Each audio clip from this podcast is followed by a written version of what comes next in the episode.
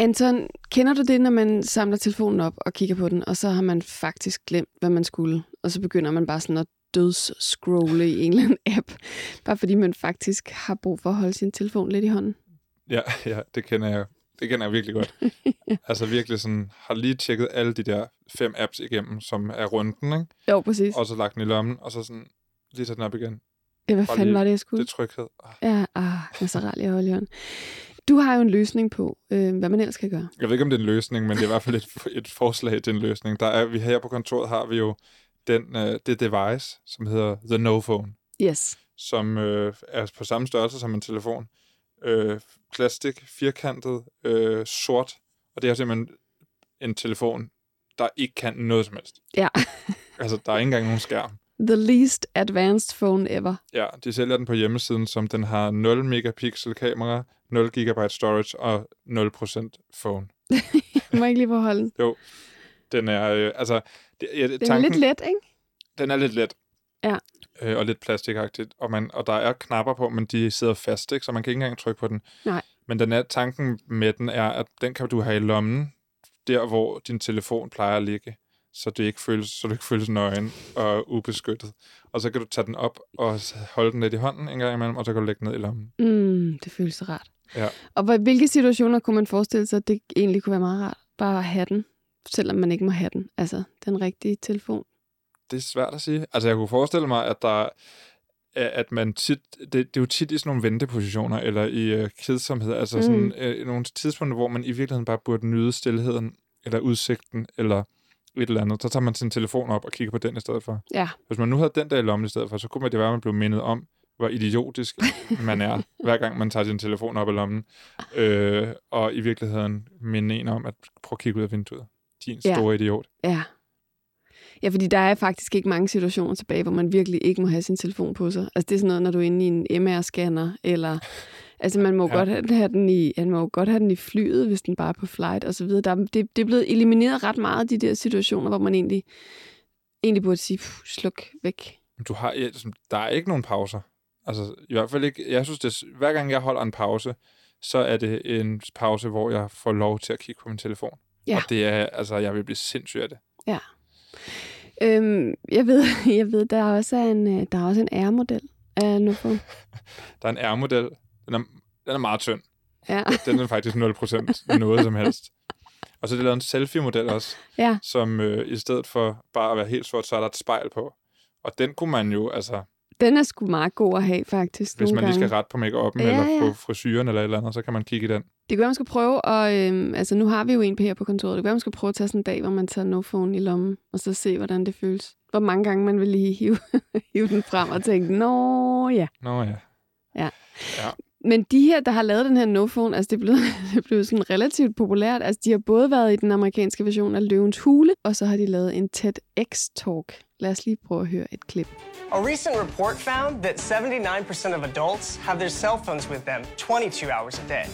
People are driving with their phones, sleeping with their phones, and even going on dates with their phones. Some people can't even stop looking at their phones while they're on TV. But don't worry, sharks, we have the solution. Introducing Ta-da. the No Phone. No phone. NoPhone er jo en ret fjollet løsning på et problem, som tech har skabt, og det skal vi faktisk tale mere om i dag. Øh, vi ses igen til sidst i programmet, Anton. Det gør vi. Teknologi er smart. Ny teknologi er ekstra smart. Men er den altid nødvendig? Og løser alle de teknologibegejstrede innovatorer de rigtige problemer? I dag taler vi om technology fix. Begrebet, der dækker over troen på, at ny teknologi kan løse alle problemer. Fra de ganske små som kedsomhed til de gigantisk store ala klimaforandringer. Technology fix forstås oftest som et udtryk for billige quick fixes med upassende tech, som har en tendens til at skabe flere problemer, end de løser. Som bare giver brugeren en fornemmelse af, at problemet er løst. There's an app for that, som man siger. Et eksempel på det kunne være, da nogen forsøgte at kaste teknologi efter diskussionen om behovet for klart samtykke ved sex og skabte iConsent-appen, som mest ligner en mobile pay-udveksling. den skabte en storm af kritik for at forsimple en situation, hvor man skal bruge sin ikke-teknologiske evne til at aflæse et andet menneske korrekt. Teknologien har fortalt os, at der findes lette løsninger på komplicerede problemer. Men det har vist sig inden for de seneste år, at det ikke er hele sandheden. Der er altid en pris at betale, og mange taler nu om et opgør med smart, om at putte friktionen tilbage i teknologien. Vejen til helvede er som bekendt brulagt med gode intentioner. Sådan siger Irina Sklovski, professor på Københavns Universitet om tech-udviklingen. Hun vil starte en bevægelse mod ligningen, som beskriver, at problem plus software altid er lige med løsning. Hun anbefaler et alternativ. At designe unødvendige løsninger til bekendte, men i virkeligheden selv opfundne problemer. Og på den måde stille spørgsmålstegn ved tech som løsning på alt. I Danmark er vi meget begejstrede for teknologi som løsning på samfundsproblemer i alle sektorer, lige fra sundhed til uddannelse. Men hvem vurderer, hvad der skal stå og falde, når det kommer til nye tech-løsninger? Det gør blandt andre Vækstfonden. Vækstfonden er en investeringsfond, der investerer i virksomheder og venturefonde i Danmark. Venture-investeringerne fokuserer primært på teknologidrevne sektorer som biotech, medtech, edtech og robotteknologi. Jeg skal tale med Jesper Lilledal, der arbejder meget konkret med at sortere i teknologibaserede idéer. Om hvordan Vækstfonden sorterer og udvælger, hvad de tror på som langvarige løsninger. Velkommen til Vi er Data. Kender du appen ATTN? Den leverer en anderledes løsning på det problem, som jeg talte med Anton om for lidt siden. At man kommer til at tage sin telefon op og glo på den, selvom man egentlig ikke skal noget. Som en form for sutteklud, når man oplever et øjebliks kedsomhed. Hvordan appen griber det an, kan du høre om et øjeblik. For jeg skal tale med medskaberen af den app, Irina Sklovski, som er professor i Human Centered Computing på Københavns Universitet. Hun arbejder på tværs af mange discipliner med hovedfokus på etik i teknologi og på, hvordan mennesker møder data. Og så har hun for nylig udgivet en artikel med navnet Technological Solutions for Imaginary Problems. Irina, what defines useless or ridiculous or unnecessary software? Well, I, I don't think there's any real definition. I think um, mostly our project makes a very bold claim that all software is ridiculous, but some of it is useful. Um, in the sense that when we design and develop software, we make assumptions about the world. And those assumptions necessarily have to be reductive. Uh, we oversimplify the problems and the reasons for why we have the problems because if we're going to design something, things have to be manageable. Um, but that essentially means that um, the software that we that we design to solve a problem don't actually solve the full complexity of the problem, just some small parts of it, and perhaps create new ones. So in that sense, the software and the assumptions under the software are ridiculous because they don't actually map on to reality very well. Um, um, and that's also part of the reason why quite a lot of it um, promises to solve problems, but doesn't actually do so. And then again, we do have some very useful software out there.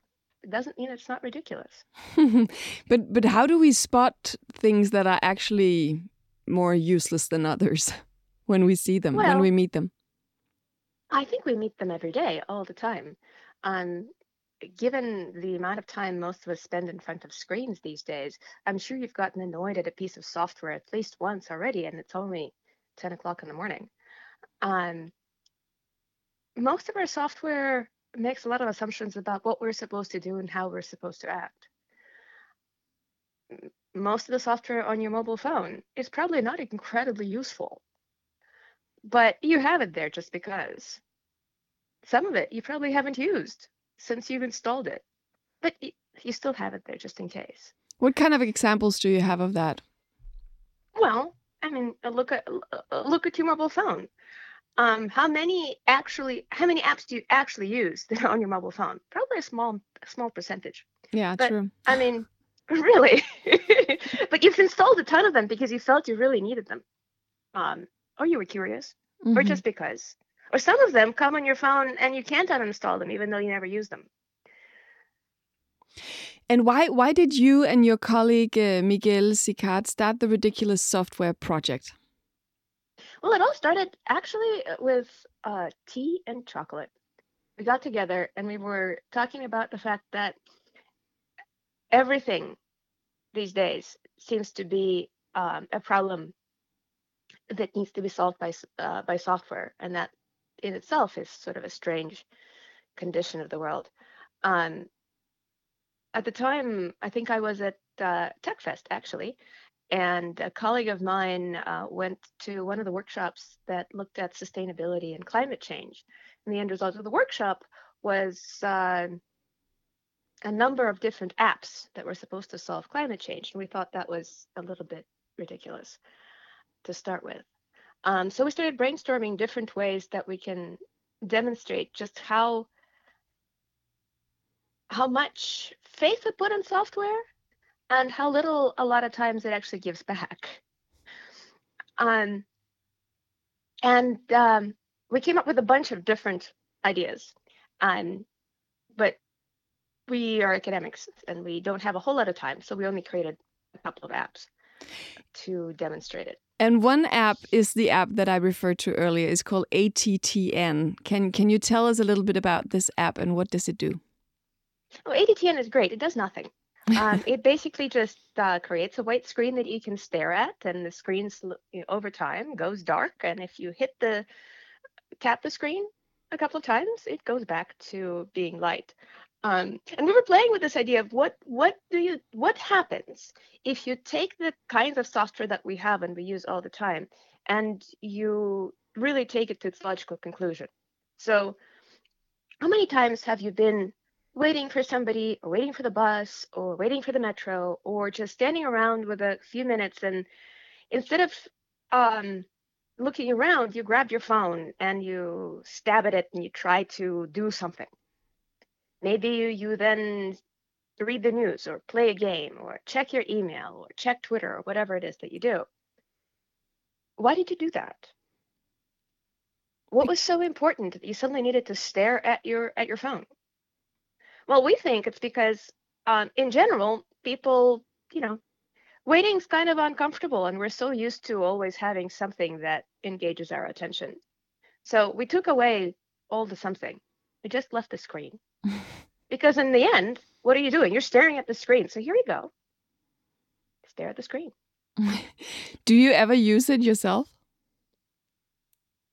Actually, um, because uh, my colleague Miguel uh, develops the software. And because he's an academic and he doesn't have a huge amount of time, he only develops for iOS. And I refuse to own an iPhone. So I play with these things um, on my uh, test iPhone in the lab, but I actually don't own an iPhone, so I can't use them. Which is kind of sad because some of um, a couple of the other apps are really are really fun. ATTN is just a proof of concept. Okay, okay, but can you tell us a little bit about the other apps as well? Um, the other app that you can download right now is called Probably Not, and it's our attempt to build a ridiculous, uh, ridiculous AI, which basically is a little app that if you point it at any object and take a picture, it will tell you what it does image recognition, and it will tell you what it's probably not. okay, that's useful. Well, I, I mean, there's a there are a number of these kinds of um, uh, the, the, these kinds of apps. There's an app out there where no matter what picture you take, it'll tell you it's probably not a banana. Um, and these are entertaining. But the thing is that image recognition is well, it's getting better, but it's just a there's nothing smart about it. There's nothing artificially intelligent about it. It's just a pattern matching algorithm. Um, and all we're doing is returning the, I think, third answer in the list that the, that the software produces rather than the first one. So not the most probable, but somewhat slightly less probable answer, which is why it's probably not. Um, and just to demonstrate really what is it that we expect of all these technologies what are we expecting of the smartness? Um, and I think we've built up this whole idea of smartness um, and artificial intelligence. But the reality of it is, it does pattern recognition and returns a list with probabilities and gives you the best one.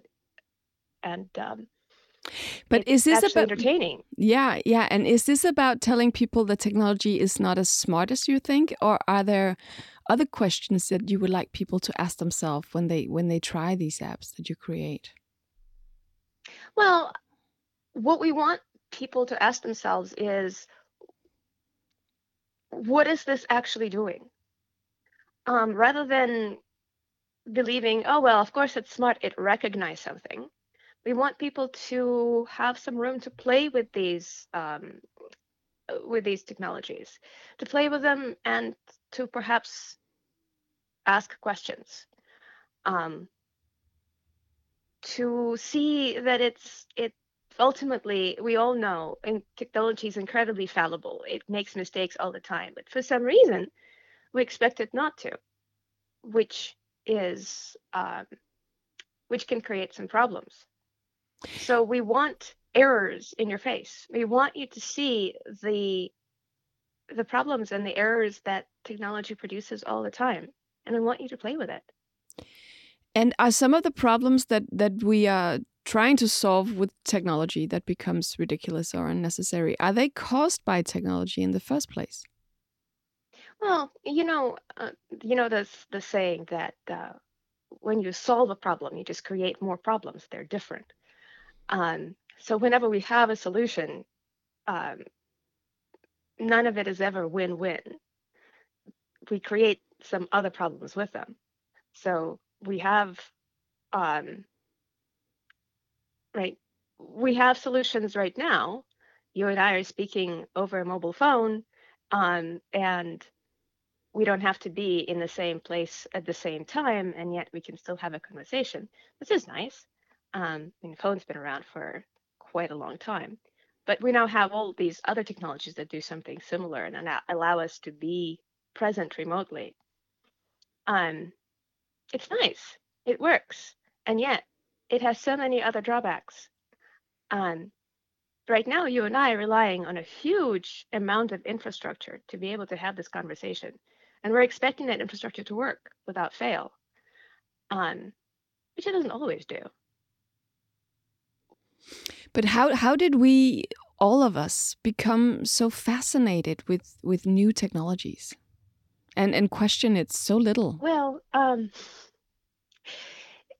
you know, everyday life is a lot of times hard. We have we have to do things we don't want, we don't we don't like to do. Um, we have to solve problems. We have to answer questions. Uh, we're rushed. We have too many things. And if you would it, it'd be really nice if something else did some things for us. I think in many ways, um, technology makes promises, and it makes promises, and it has made promises, or at least we use technology to make promises to ourselves that somehow our lives will be better if only we created something to ease the burdens. I don't think it's a bad thing. I think it's an absolutely natural thing to want the burdens eased, to want life to be easier. And there's um, an expectation that technology will do just that, will fix, that we can somehow fix our problems. Um, and a lot of times it does. Um, it just creates new ones, perhaps better problems, perhaps worse, but that's how things work. we we want we want something to come in and make things easier um, I don't. I, I think that's absolutely a natural process. What are the costs of uh, of smart of smart technology that we don't see? A large number of years ago, um, uh, a technologist, Mark Weiser, dreamt of a of at at back in Silicon Valley, um, at an organization called Xerox Park, he dreamt of something called ubiquitous computing this idea that the computer would disappear and you would just navigate the world, and the computer would be there to just support and help you get things done. And it would be invisible, it would be just there. Well, thing is, we have quite a lot of that right? We move through the world. We don't see the Wi-Fi um, available for us to feed our phones. Um, we don't actually see a lot of the technology that is there enabling us to get things done. So some of that is certainly there. Um, but it, of course, it comes at costs, right? We have all these smart gadgets.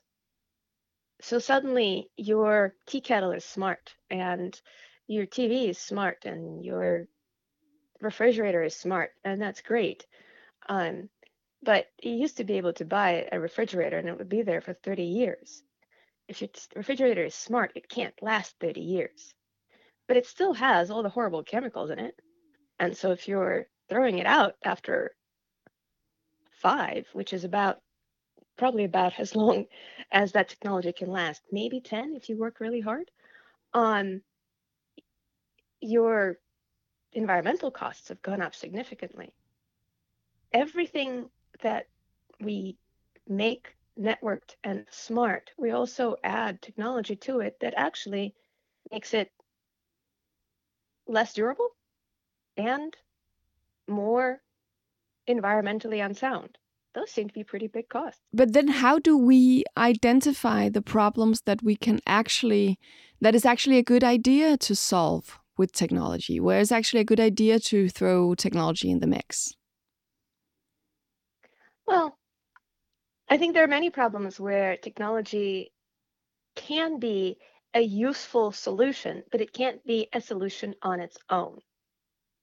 And being clear eyed about the problems and limitations of that solution is an important step.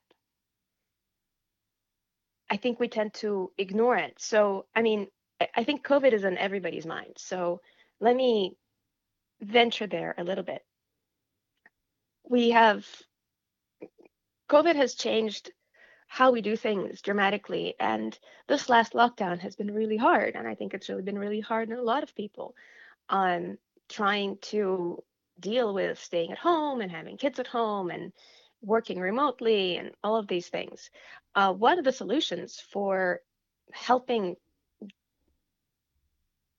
move us out of lockdown has been this Stop app, um, which would allow um, contact tracing to help manage to help manage uh, infections and to potentially see how infections spread out and hopefully limited. Um, but contact tracing is it's an old process. It's a it's it's something that epidemiology has used for a long time. How do you figure out um, how how how in, how epidemics work? Well, you trace contacts. Um, well, but these days we have technology, so we could use technology to trace contacts. That's a good idea. Um, but using technology comes with a lot of other problems. You have to think about data, you have to think about privacy, you have to think about who gets to know what, um, and how and what choices people get in terms of what what they get to reveal and to whom. Here, technology certainly offers opportunities, but um, we see a number of problems that have come up in terms of how these technologies have been designed and the kinds of assumptions being made on as to both their efficacy, how well they're going to work, um, and how they get to be interpreted. So, yeah, it's a solution, but by itself, it doesn't help us much. But what has been during during this fight uh, against COVID nineteen? We have been really just implementing tech very, very, very fast in our lives. Uh, and besides the the Smittestop app, um, what has been some of the consequences of that, of us uh, relying so heavily on technology? Well, um, I think there are many. The zoom fatigue is one. Everybody's is tired of staring at the screen, and it's exhausting. Um, trying to juggle work and life uh, and uh, children in the same space is difficult. Um, I think there is something to be said for a realization that suddenly in every meeting that you might have, there's an extra entity present. It's the platform that you're using, Zoom or Teams or Hangouts or whatever. And um, how that platform works um, and the infrastructures that support it are actually just as important to the success of your meeting and what you're trying to do as your own preparation and as the people that are in the meeting. Somehow, we suddenly realize that we have all of these infrastructures that actually break down much more often than we than we hoped um, and potentially offer opportunities but also have costs Mm. those costs are fatigue those costs costs are the fact that um, suddenly you have to let people into your home in ways that you never have had to before those costs are the fact that um, if you're sitting at home, every single interaction that you have with your colleagues is intentional. You don't just run into people to have a conversation. You have to ask to have a conversation. And that changes the dynamic of that of of of work. And that changes the dynamic of how you get things done. And and the ridiculous software project. Do you have any any more apps or, or software in mind that you're you're building these days? Yes. Um, actually, we have uh, a couple of things, um, a couple of projects in progress. Um, one um, app that um, Miguel has built uh, was based on um, Smitterstop, but the idea was, well, if we're going to really insist on social distancing, that why don't we create a social distancing app um, that essentially enforces social distancing? So basically, if you're running this app and it detects another mobile phone in the vicinity that is also running this app, it'll just scream at you until you move out of the way. Um, it's, sufficient distance, you know, just to make things uh, really obvious. Yeah, Um, that sounds like it. It might keep people to themselves. That's true. well, I mean, if we're going to point out that social distancing is a difficult, socially awkward thing to do, we might as well make something that's really socially awkward just to make it more obvious. I look forward to trying that out. I'm, I'm, I might not use it for a long time, but I'm definitely going to try it. Irina, uh, just to finish off because we're running out of time, what do you recommend that we ask ourselves before we implement, as users, new tech in our lives? Well, I think when I think about new tech in my life, I always wonder um, beyond just, wow, this is cool, what do I really gain out of it? Um, and what are the losses? Because there's never a win win situation, right? Um, and I also think that it's really important to just be a little bit reflective about what these technologies become in our lives. How we now rely on things like a mobile phone as a crutch for just about everything. Um, and perhaps treating all of this with a little bit of a sense of humor and wonder. I mean, I think it's really important to have a good laugh at all of this. I think if we talk about um, the important things like climate change and um, data and privacy, things get really dark and uh, really hard to handle quickly. So while I think all of this is really important, um, have a laugh. We need a good laugh these days more often. That is so true. Irina, thank you so much for your time. Thank you for having me. Irina Sklovski mener altså, at der er god grund til at gøre sig bevidst om, hvornår det giver mening at bruge teknologi, og hvornår det ikke gør. Men hvem vurderer, hvad der skal stå og hvad der skal falde, når det kommer til nye tech-løsninger her i Danmark? Det gør blandt andre Vækstfonden. Vækstfonden er en investeringsfond, der investerer i virksomheder og venturefonde i Danmark. Og deres ventureinvesteringer fokuserer primært på teknologidrevne sektorer som biotech, medtech, edtech og robotteknologi. Jeg skal tale med Jesper Lilledal, der er partner i Vækstfondens afdeling for direkte investeringer. Så han arbejder meget konkret med at sortere i teknologibaserede idéer og sortere skidt fra kanel i forhold til, hvad de tror på som langvarige løsninger. Og han kan også fortælle, hvilken udvikling de hos Vækstfonden har oplevet i måden, man ser og bruger teknologi på i startups. Jesper, hvad er det mere præcist, I arbejder med og for hos Vækstfonden? Jamen altså, øh, Vækstfonden er jo en, en statslig investeringsfond, som, øh, som blev etableret i slut 90'erne med, med penge fra det offentlige, øh, og øh, med, en, med en mission om, at man skulle skabe vækst i Danmark. Og, øh, og det kan man jo gøre på, på forskellige måder, men det som, det som man ligesom har sat sig for i Vækstfonden, det er at sætte, sætte ting i gang og, og mennesker i arbejde. Ja, og hvor stor en del af, af, af Vækstfondens investeringer er, er i sådan det, man kan kalde teknologibaserede løsninger, i hvert fald digitale teknologier? Øh, jeg, jeg tror, vi, vi siger, at, at to tredjedel af det, vi laver, er, er rundt regnet digitalt. Ja, halvdelen af det, vi laver, er stort set digitale løsninger. Vi har jo en Øh, vi, vi kommer meget bredt ud i hele Danmark, både i forhold til geografi, men også i forhold til brancher, så vi har jo meget aktivitet i for eksempel landbrug øh, eller fiskeri, øh, som, som jo de færreste andre venturefonde egentlig, øh, eller investeringsfonde er aktive i. Øh, så på den måde er vi eksponeret for meget andet end digitale løsninger. Men jeg vil sige, at, at samlet set over en bred kamp er det nok omkring halvdelen. Og bare for at rise lidt op, altså hvad kan det være, hvad kan det være for nogle, for nogle løsninger, I for eksempel investerer Jeg ved godt, det, det er rigtig, rigtig bredt, men bare for at vi får en fornemmelse af, hvad, hvad I investerer i.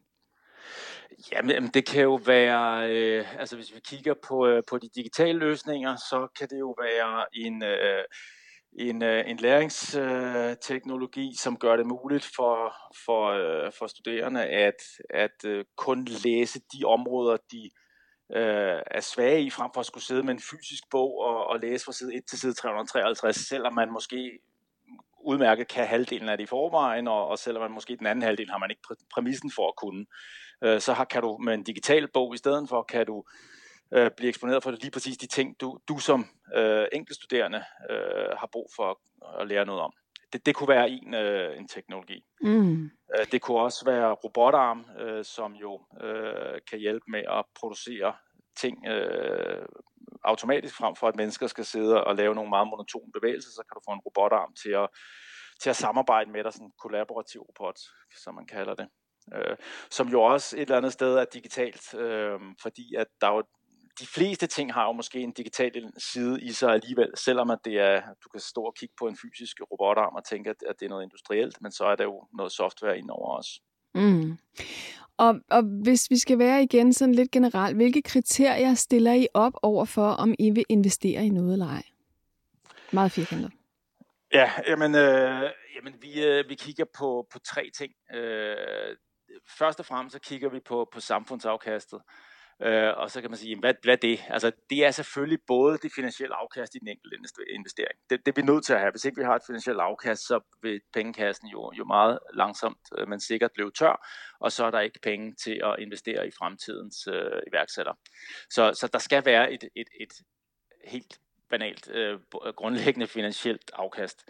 Øh, men så kigger vi også ud over det. Vi kigger på, på samfundsafkast, og, og, og, og hvad menes som er det? Jamen, øh, vi har øh, den øh, situation, at vi har 6 millioner øh, danskere som, som vores øh, aktionærer. Og, og de bekymrer sig dybest set, hvis vi skal være helt ærlige nok, ikke om, hvorvidt Vækstfonden har 100 millioner eller 200 millioner kroner i overskud øh, i indeværende regnskabsår. De bekymrer sig mere om de ting, der, der vi kan gøre, som rent faktisk skaber en impact på deres, på deres hverdag. Og det er for eksempel, at man kan investere i en, øh, en Universal Robots, som giver øh, international opmærksomhed og tiltrækker kapital til området omkring Odense og skaber en masse andre øh, innovative nye startups i sit kølvand, og dermed pludselig har du skabt et, et, et cluster i, i Odense, som er kendt i hele verden for at lave robotter øh, og skaber øh, tusindvis af arbejdspladser. Det, det er den form for, for ting, som, øh, som vores aktionærer nok bekymrer sig mere om. Eller at vi kan, kan lave ting på en, producere ting på en ny måde, så vi får det øh, renere vand eller renere luft i vores, i vores omgivelser. Så, så det er de ting, vi mener med, med samfundsafkast, altså hvad rækker ud over den der, øh, det, der, det finansielle tilbageløb.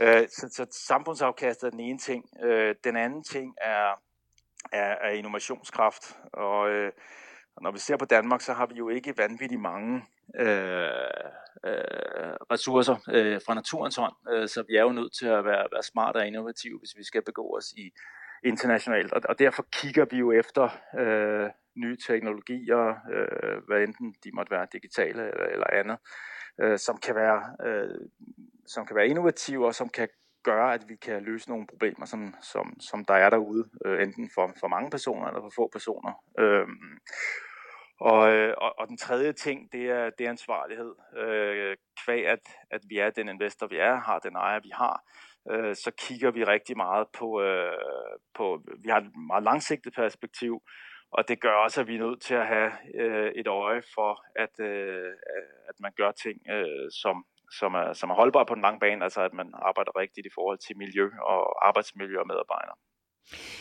Ja, og, og det, er jo, det er jo nogle, hvad kan man sige, prisværdige formål, altså alle sammen, kan man sige, det giver, det giver total mening, men kan det ikke være svært nogle gange at, nu, at vurdere, hvad der er reel langvarig værdi, og hvad der mere er et, hvad kan man sige, lidt et quick fix, fordi nye teknologier har jo også en tendens til at løse et problem og skabe nogle andre problemer. Øh, ja, det er rigtigt. Øh, jeg tror, altså det, den måde, vi kigger på det, det tror jeg ikke er så, så forskelligt fra, fra andre øh, fonde heller, øh, end investorer heller. Men det er, at man, man kan jo kigge på problemets størrelse, altså pain, som, som man kalder det i branchesprog. Altså, hvor stor er den pain, man, øh, man løser? Hvor stort er det på her problem øh, for dem, der har det problem? Øh, og den anden parameter, du kan kigge på, det er, jamen, for hvor mange mennesker er det her et problem? Øh, er det et øh, stort problem for rigtig mange mennesker, som for eksempel øh, klima er i øjeblikket. Der er rigtig mange mennesker, der synes, det er et rigtig stort problem, at, øh, at, at de begynder at se nogle klimaændringer, som måske kan ændre deres øh, liv, eller i hvert fald deres børns liv øh, til det værre. Øh, det tror jeg ikke, at der, der er så mange, der, der, øh, der, der vil øh, øh være i tvivl om. Øh, så har du... Øh, så har du øh, måske mindre problemer for en meget stor gruppe. Det kunne jo være øh, dit musikanlæg i gamle dage, ikke? at du skulle ned og købe en CD, og så havde du 20 numre, og så havde du hørt dem, og så skulle du købe en ny, og du skulle finde plads til alle de her CD'er.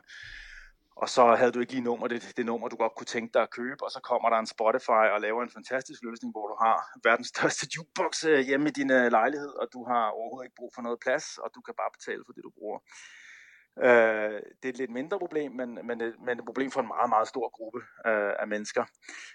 Øh, det, det skaber så et, øh, et, et, et større problem for en lille gruppe mennesker, fordi der var jo nogle meget audiofile, som godt kunne tænke sig at, at høre LP'en og synes, at den lyd er virkelig det, og nu savner de den, og så pludselig opstår der et marked for, for, for LP'er igen, ikke? Så, så det var, ja, jeg kan godt føle, hvad du siger. Øh, ja, og kunstnerne, som mener, de bliver underbetalt.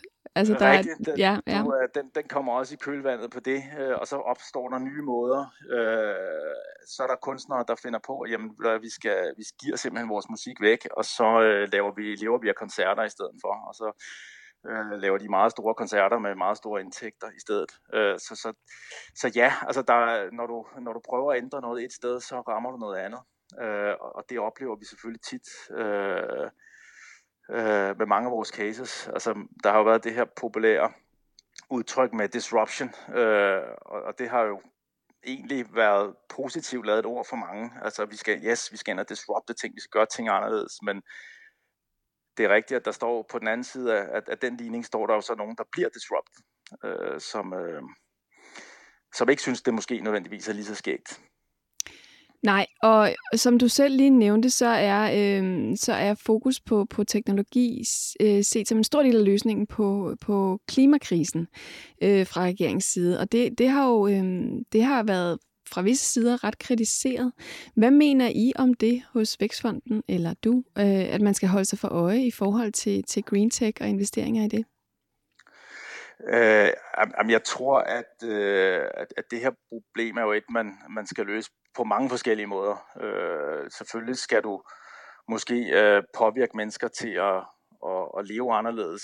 Øh, vi ved, at, at, øh, at øh, fødevareproduktion er, er en af de store sønder, øh, specielt øh, kødproduktion, altså omlægning til til mere vegetariske kost vil, vil hjælpe rigtig meget. Øh, vi ved, at øh, der er udledning fra bygninger, som er, som er Øh, øh, er en af de store sønder, transport kan være en stor sønder. Øh, så så der, jeg, jeg tror, det, det skal løses i fællesskab mellem, at øh, både at, at mennesker omlægger nogle vaner, øh, men også, at teknologien øh, løser nogle ting. Jeg tror, man skal, generelt skal man huske på, at Danmark er kun 5 millioner ud af, af jordens befolkning på, på øh, over 7 milliarder efterhånden. Ikke? Øh, så, så hvis man skal løse problemet fra bunden, øh, så er du nødt til at finde nogle, øh, nogle holdbare løsninger, hvor du ikke nødvendigvis behøver at ændre folks adfærd, fordi det er svært at ændre 7 milliarder menneskers adfærd. Det, det er nemt for os måske, som har fået alle vores vores mest basale ting opfyldt. Uh, vi kan godt mene, at nu kan man godt begynde at holde lidt igen, uh, men hvis du bor uh, i, i Indien eller, eller Kina og, og hører til, til, til dem, der ikke har det lige så godt, så kan det jo godt være, at du har svært ved at se, hvorfor du skal holde igen med, med nogle af de ting. Mm. Uh, så altså, jeg tror, at altså, jeg, jeg tror, at teknologi er nødt til at være en meget stor del af, af løsningen. Kan du, kan du komme med nogle eksempler på nogle af de green tech-teknologier, som du og I hos Vækstfonden tror rigtig meget på? Øh, ja, altså bare for at nævne et eksempel, så har vi for ganske nylig investeret i en, uh, en vertical farm.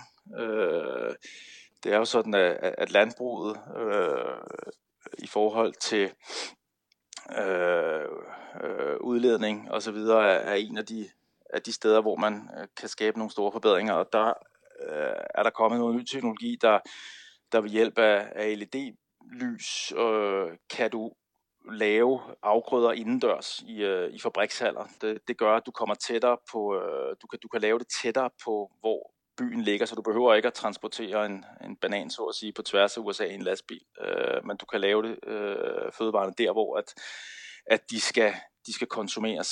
Øh, og der, der er en række andre afledte fordele ved det. Øh, men, men det er et af de steder, hvor at, øh, Vækstfonden har været inde og været med til at finansiere et, øh, et større anlæg i, øh, i, i København. Faktisk tror jeg et af de største, i, øh, hvis ikke det, den største i Europa, eller i hvert fald i Nordeuropa. Øh, og det har vi faktisk lavet et VR-dataprogram om. Det er nemlig rigtig, rigtig spændende. ja, okay. Teknologisk ja, udvikling. ja. Helt enig. Øhm, Jesper, du har jo været øh, i, i den her verden i mange år. Jeg, jeg er lidt nysgerrig på, om, om du oplever, at øh, måden, man, man bruger og ser på teknologi i, i, i mange af de projekter, du møder, og der bliver pitchet ind øh, til dig, om den har udviklet sig over, over de senere år, efter din mening. Øh, ja, altså jeg var aktiv i venturebranchen tilbage i slut 15 og starten af nullerne, og så igen øh, fra, fra 2016 og frem. Øh, og jeg tror, øh, en af de ting, der jo er, er sket i forhold på, på den digitale side i hvert fald, er jo, at at vi er blevet vant til at skulle betale i højere grad øh, nu for de ting, vi får frem for, for, for tilbage i slut 90'erne og af 0'erne. Der, der var ikke mange, der, der, øh, der, der, der turde betale på internet, eller var interesseret i at betale for ting på internet, så det var, der var der var meget stor fokus på at, at levere nogle, nogle tjenester til folk, og så, så prøve at få en masse brugere på. Øh, jeg synes, der har været en meget stor, øh, et meget stort skifte de sidste sådan 10-15 år i forhold til at, at, være, at skabe en bedre sammenhæng mellem, hvad der er værdi for brugeren, øh, og hvad det rent faktisk koster at levere til brugeren. Øh, og med det mener jeg, at der bliver hele tiden beregnet på nu, hvad, hvad er livstidsværdien af, af en bruger på en digital tjeneste i dag. Øh, altså, hvad er brugeren villig til at betale? Hvor længe bliver brugeren på, før når man kan forvente, at brugeren hopper af igen? Øh, det giver en, en gennemsnitlig livstidsværdi for, for sådan en kunde. Og øh, på den anden side ser man så, hvad koster det mig at skaffe den kunde? Hvad, hvad, hvor meget markedsføring skal jeg lave på, på Facebook eller Instagram eller lignende for at skaffe en kunde til at abonnere på mit produkt? Øh, og, og det, det regner man så ud som en gennemsnitlig uh, customer acquisition cost, som man siger. Øh, og, så, og så når du ligesom har fundet et godt forhold imellem de ting, at du faktisk kan levere noget til en kunde, som kunden er villig til at betale for, som du kan levere til en pris, der er mindre end det, end det øh, end, end du får for det, jamen så begynder du at skalere derfra i, et meget, meget højt tempo, øh, mm. og med meget, meget store beløb. Øh, og øh, ja, så, så jeg synes, der, det, er, det er nok det nye. Men at, betyder det også, at der på en eller anden måde er, er, er penge i at være mere ansvarlig, har jeg lyst til at sige? Fordi det der med, at, at man skal betale for noget, det betyder jo også, at øh, ja, man på en eller anden måde ved, hvad, hvad, hvad, hvad, øh, hvad der bliver tjent penge på, for eksempel. At det ikke er en selv, der er produktet, har jeg lyst til at sige. Men også en, en større, et større grad af ansvarlighed fra virksomhedernes side. Uh, altså, nu, nu er der helt sikkert også forretningsmodeller, som lever af, af, af at sælge dataen. Uh, så så uh, altså, jeg vil sige, at uh, der, der er nogle forretningsmodeller, som, øh, som er knyttet op på at, at, øh, at levere den data. Så jeg vil sige, at man, man tvinger jo virksomhederne mere og mere til at være åben om, hvad de har af data. Øh, så på den måde tror jeg, at man bliver tvunget til mere ansvarlighed. Øh, du bliver tvunget til at kunne fortælle kunderne præcis, hvad du har af information omkring den.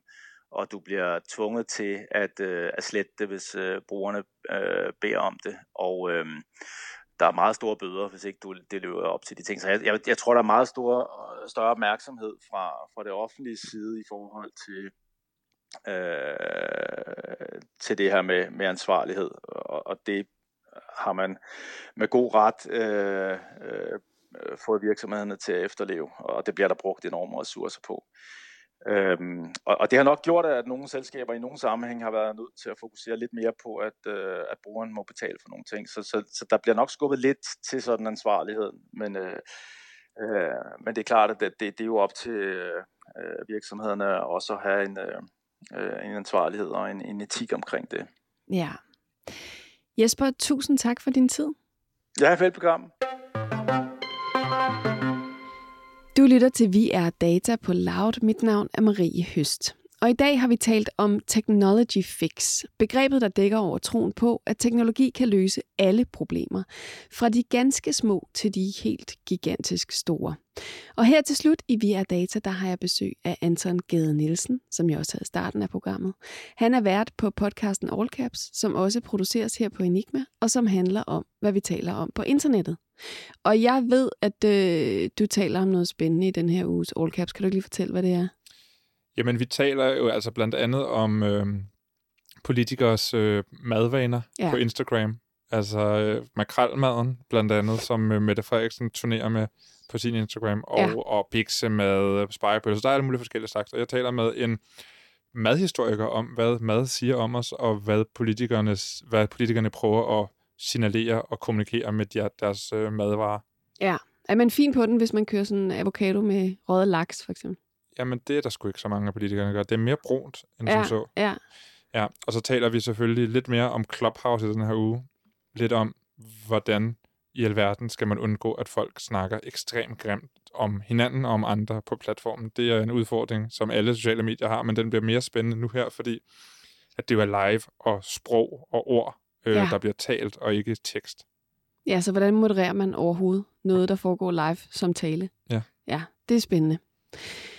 Øhm, Anton, vi har jo talt om det her med fjollet og unødvendig teknologi. Er du, er du afhængig af noget, du selv vil betegne som fjollet eller unødvendig teknologi? Altså, jeg synes jo, jeg, jeg, jeg føler mig afhængig af min telefon og af, de, og de apps, der er på telefonen. Altså, jeg, føler, jeg er jo ikke afhængig af at sms'e og lave opkald, men jeg er afhængig af at tjekke, om der sker et eller andet spændende på Instagram, eller øh, øh se nogle videoer på YouTube eller TikTok. Mm. Altså, så det vil jeg sige, det er forholdsvis fjollet og unødvendigt. det er så også nogle gange en del af mit arbejde, at være opdateret på, hvad det er, der foregår. Så, så på en eller anden måde er jeg i gang med en spiral ned i et hul, jeg aldrig kan komme op af. Ja, den, den undskyldning bruger jeg faktisk også ret tit. Det er mit arbejde. Ja. Men så talte vi om no phone i starten, øhm, at man kunne altså, erstatte sin telefon med en plastikklods. Men der er jo også muligheden for så at erstatte sin telefon, hvis det er den, man er rigtig afhængig af, af noget, der bare er en lille smule dummere. Altså, Altså, Dom, domphone-agtigt. Så det ikke er helt lige så radikalt som at fjerne alle funktioner fra telefonen. ja. Men der er jo nogle eksempler på telefoner, som stadigvæk på en eller anden måde er smartphones, men så bare mindre smartphones, end, end en iPhone er. Altså sådan nogle øh, produkter som Lightphone og Palm, som er sådan nogle hybridagtige telefoner, som er, som, som er lækre, som har touchskærm, og som kan få ting, men ikke alt det. Altså, den kan ikke, man kan ikke bare downloade alle apps på den. Men du kan godt downloade, øh, du kan godt sende sms'er og foretage opkald, i hvert fald på den første Lightphone. Der er, der er sådan to versioner af Lightphone, og den første, den kunne kun øh, ringe op og øh, sende sms'er. Ja. Og så lavede de en ny version, som også, øh, så vidt jeg kunne forstå, kan, kan, øh, kan vise vej og øh, spille musik.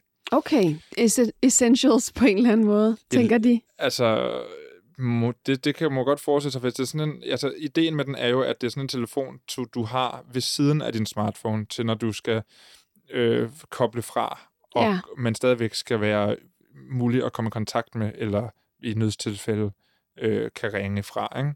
Så det er ikke sådan en, man er på sociale medier på, for Nej, det er en, hvis du er ude i naturen, øh, eller hvis du er ude at gå en tur, eller ude at løbe måske. Og jeg tror også, at derfor, de så har tilføjet øh, kort og, og musik på dem. Det er fordi, at det kan folk godt lide at bruge, når de er ude. Men det er stadigvæk ikke sådan helt den der, jeg bliver nødt til at tjekke hele tiden. Det er sådan, øh, ja, mere tilbagelænet, ikke?